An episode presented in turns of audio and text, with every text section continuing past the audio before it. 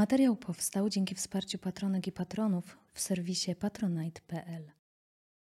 Witam serdecznie na kanale Station Nord, sali wykładowej Station Nord. Y, Dzisiaj chciałbym powiedzieć parę słów o dosyć istotnych częściach metody, którą my stosujemy, zresztą która jest stosowana przez wszystkie tradycje.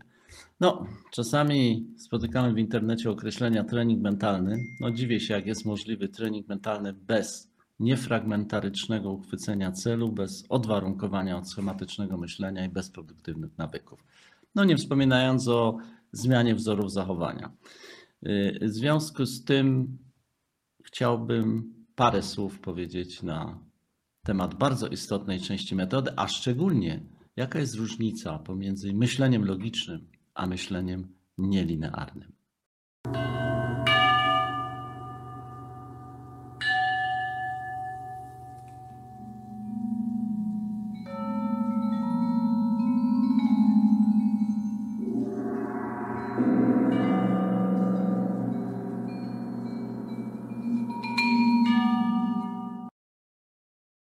Aby była możliwa zmiana w ogóle, aby był możliwy rozwój, ja mówię w kategoriach no, duchowych, ale nie tylko, potrzebny jest dostęp do pierwotnych świadomości i czynników mentalnych. No, ponieważ to są trudne tematy, no to rzadko kto je podejmuje. Tematy te, y, parę słów będziemy na ten temat poruszać, a w szczególności o metodzie, o parę słów o nielinearnym sposobie myślenia. No, nielinearny sposób myślenia. Jeśli ktoś poszukuje systemu, gotowych praw, syntezy logiki, no to oczywiście y, ten filmik nie jest dla niego. No się uszarpie, wydenerwuje, wścieknie. Natomiast jaka jest różnica? Przede wszystkim zdolność do logicznego myślenia jest oczywiście ważną umiejętnością, ale logika jest po pierwsze czynnikiem etycznie zmiennym i jej działanie jest warunkowane przez stan podmiotu. Czyli jeśli stosuje ją człowiek o niskiej mentalności, no to nie zaprowadzi go zbyt daleko. Poza tym logika opiera się o dostępne nam dane, które zwykle są w miarę niekompletne. Przy pomocy logiki można udowodnić wszystko, a w szczególności to, co chcesz udowodnić. Pozwolę sobie na ilustrację. Na Uniwersytecie Nalanda wykładał profesor, który nazywał się Nagarjuna i był człowiekiem o wybitnej umysłowości i niezwykłej zdolności do podzielności uwagi. Miał zwyczaj dyskutować z kilkoma profesorami równocześnie i zwyciężał ich w dyskusjach. Potem przyjmował stanowiska zwyciężonych i dyskutując zwyciężał znowu. No, logika i koncepcje mogą oddzielać nas od doświadczenia. Nagarjuna w pewnym momencie swego życia uświadomił sobie, że niewiele rozumie z tego, co wykłada i zwrócił się w kierunku doświadczenia. Został uczniem żebraka Tylopy. Tylopa niczego Nagarjuny nie nauczał, to znaczy nie używał słów, a w szczególności nie używał logiki. Ponieważ cokolwiek by Tilopa powiedział Nagarjuna, już dawno to wiedział. No teoretycznie wiedział. Dlatego stwarzał wiele sytuacji, które umożliwiły Nagarjunie rozwijanie doświadczenia.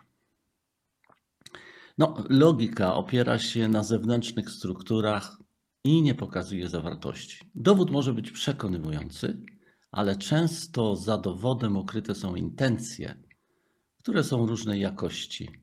Oczywiście prawda, trzeba pamiętać, nie ma nic wspólnego z tym, czy jesteśmy do niej przekonani, czy nie. No logika podlega pomieszaniu oczywiście. Stan mentalny i pomieszanie rzutują na e, sposób dowodzenia. No i jeszcze parę uwag. Jedna koncepcja wyklucza drugą, a każdy badacz bada tylko fragment. No, często logika chce mieć rację. No, kto ma rację, ten stawia kolację, jak mówimy. Ponieważ y, często idzie w parze z fiksacją, może ograniczać elastyczność i usztywniać. Ze względu na wymienione wady nie możemy polegać do końca na logice. Jeśli potrzebujemy głębszego myślenia, potrzebujemy rozwinięcia nielinearnego myślenia. No jak zilustrować nielinearne myślenie? No sięgnijmy do starożytnej Grecji. Pewna szkoła filozoficzna proponowała rozmówcom następujące zagadki. Czy ten człowiek jest biały? Tak. A czy jest wysoki? Tak. No to zdecyduj się, czy jest biały, czy wysoki. No, brzmi to jak absurd, ponieważ opieramy się na koncepcji przedmiotu wywodzącej się od Arystotelesa. Krótko można ją przedstawić. Jest przedmiot, przedmiot ma cechy istotne i cały szereg innych cech. Więc chociaż potoczny dialog wydaje się absurdalny, wcale absurdalny nie jest. Wskazuje na bardzo istotną część prawdy dotyczącej naszego postrzegania. Cechy białe i cechy wysokie rozpoznają różne zbiory pierwotnych świadomości. A cały tak zwany postrzegany przedmiot to produkt konglomeratu różnego rodzaju świadomości, które po pierwsze są niespójne i niesynchronizowane i całkowicie nie pasują do siebie.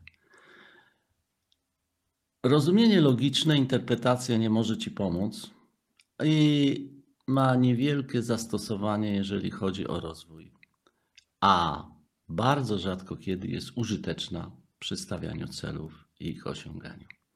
Rozważmy jakby inny przykład. Znacie powiedzenie, jaka jest rada na miłość od pierwszego wejrzenia? No trzeba drugi raz spojrzeć. No można to potraktować jako żart i na tym skończyć, albo wręcz jako cyniczną uwagę, ale tego rodzaju odbiór jest tylko informacją o stanie podmiotu. Tak naprawdę inne świadomości determinują pierwsze wrażenie, a inne zbiory świadomości determinują drugie spojrzenie. Na przykład pierwsze wrażenie może być spowodowane przez świadomość zdominowaną przez potrzebę takiego czy innego kontaktu, przez postrzeganie stroju, makijażu i tym podobne. Inne zbiory świadomości postrzegają na przykład słabą zdolność do kontaktu, wysoki poziom napięcia, brak umiejętności budowania relacji, przez jakie świadomości dana jednostka jest determinowana. Dlatego nie dziwota, że pierwsze wrażenie zostaje przez to drugie spojrzenie. Pierwsze wrażenie zostaje wymiecione jak wicher wymiata liście. No, są różne sposoby czytania poezji i literatury. Dla mnie to, co jest najbardziej interesujące, to jest to, co przeżywał autor i w jakim stanie świadomości był, że coś takiego napisał, czyli przez jakie zbiory świadomości był zdeterminowany.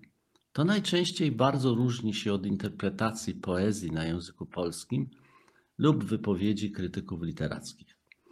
Kiedy na początku lat 90. byłem na wieczorze autorskim znanego krakowskiego poety, on zapytał mnie, co sądzę o jednym z czytanych przez niego wierszy. Przedstawiłem mu swój, swój punkt widzenia, na co on wykrzyknął: Ej, ty, to ty jesteś jeden, który to zakumał.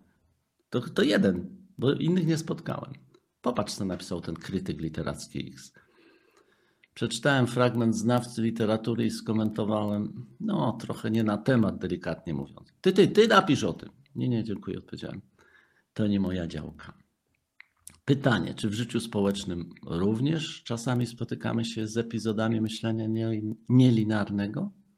Tak, na przykład niektóre rodzaje intuicji są żywym przykładem myśleniem, myślenia nielinarnego. Yy, oczywiście to jakby tylko parę słów. Jeżeli yy, jakby temat Was zainteresował, no to zapraszam na kurs rzucę okiem w kalendarz.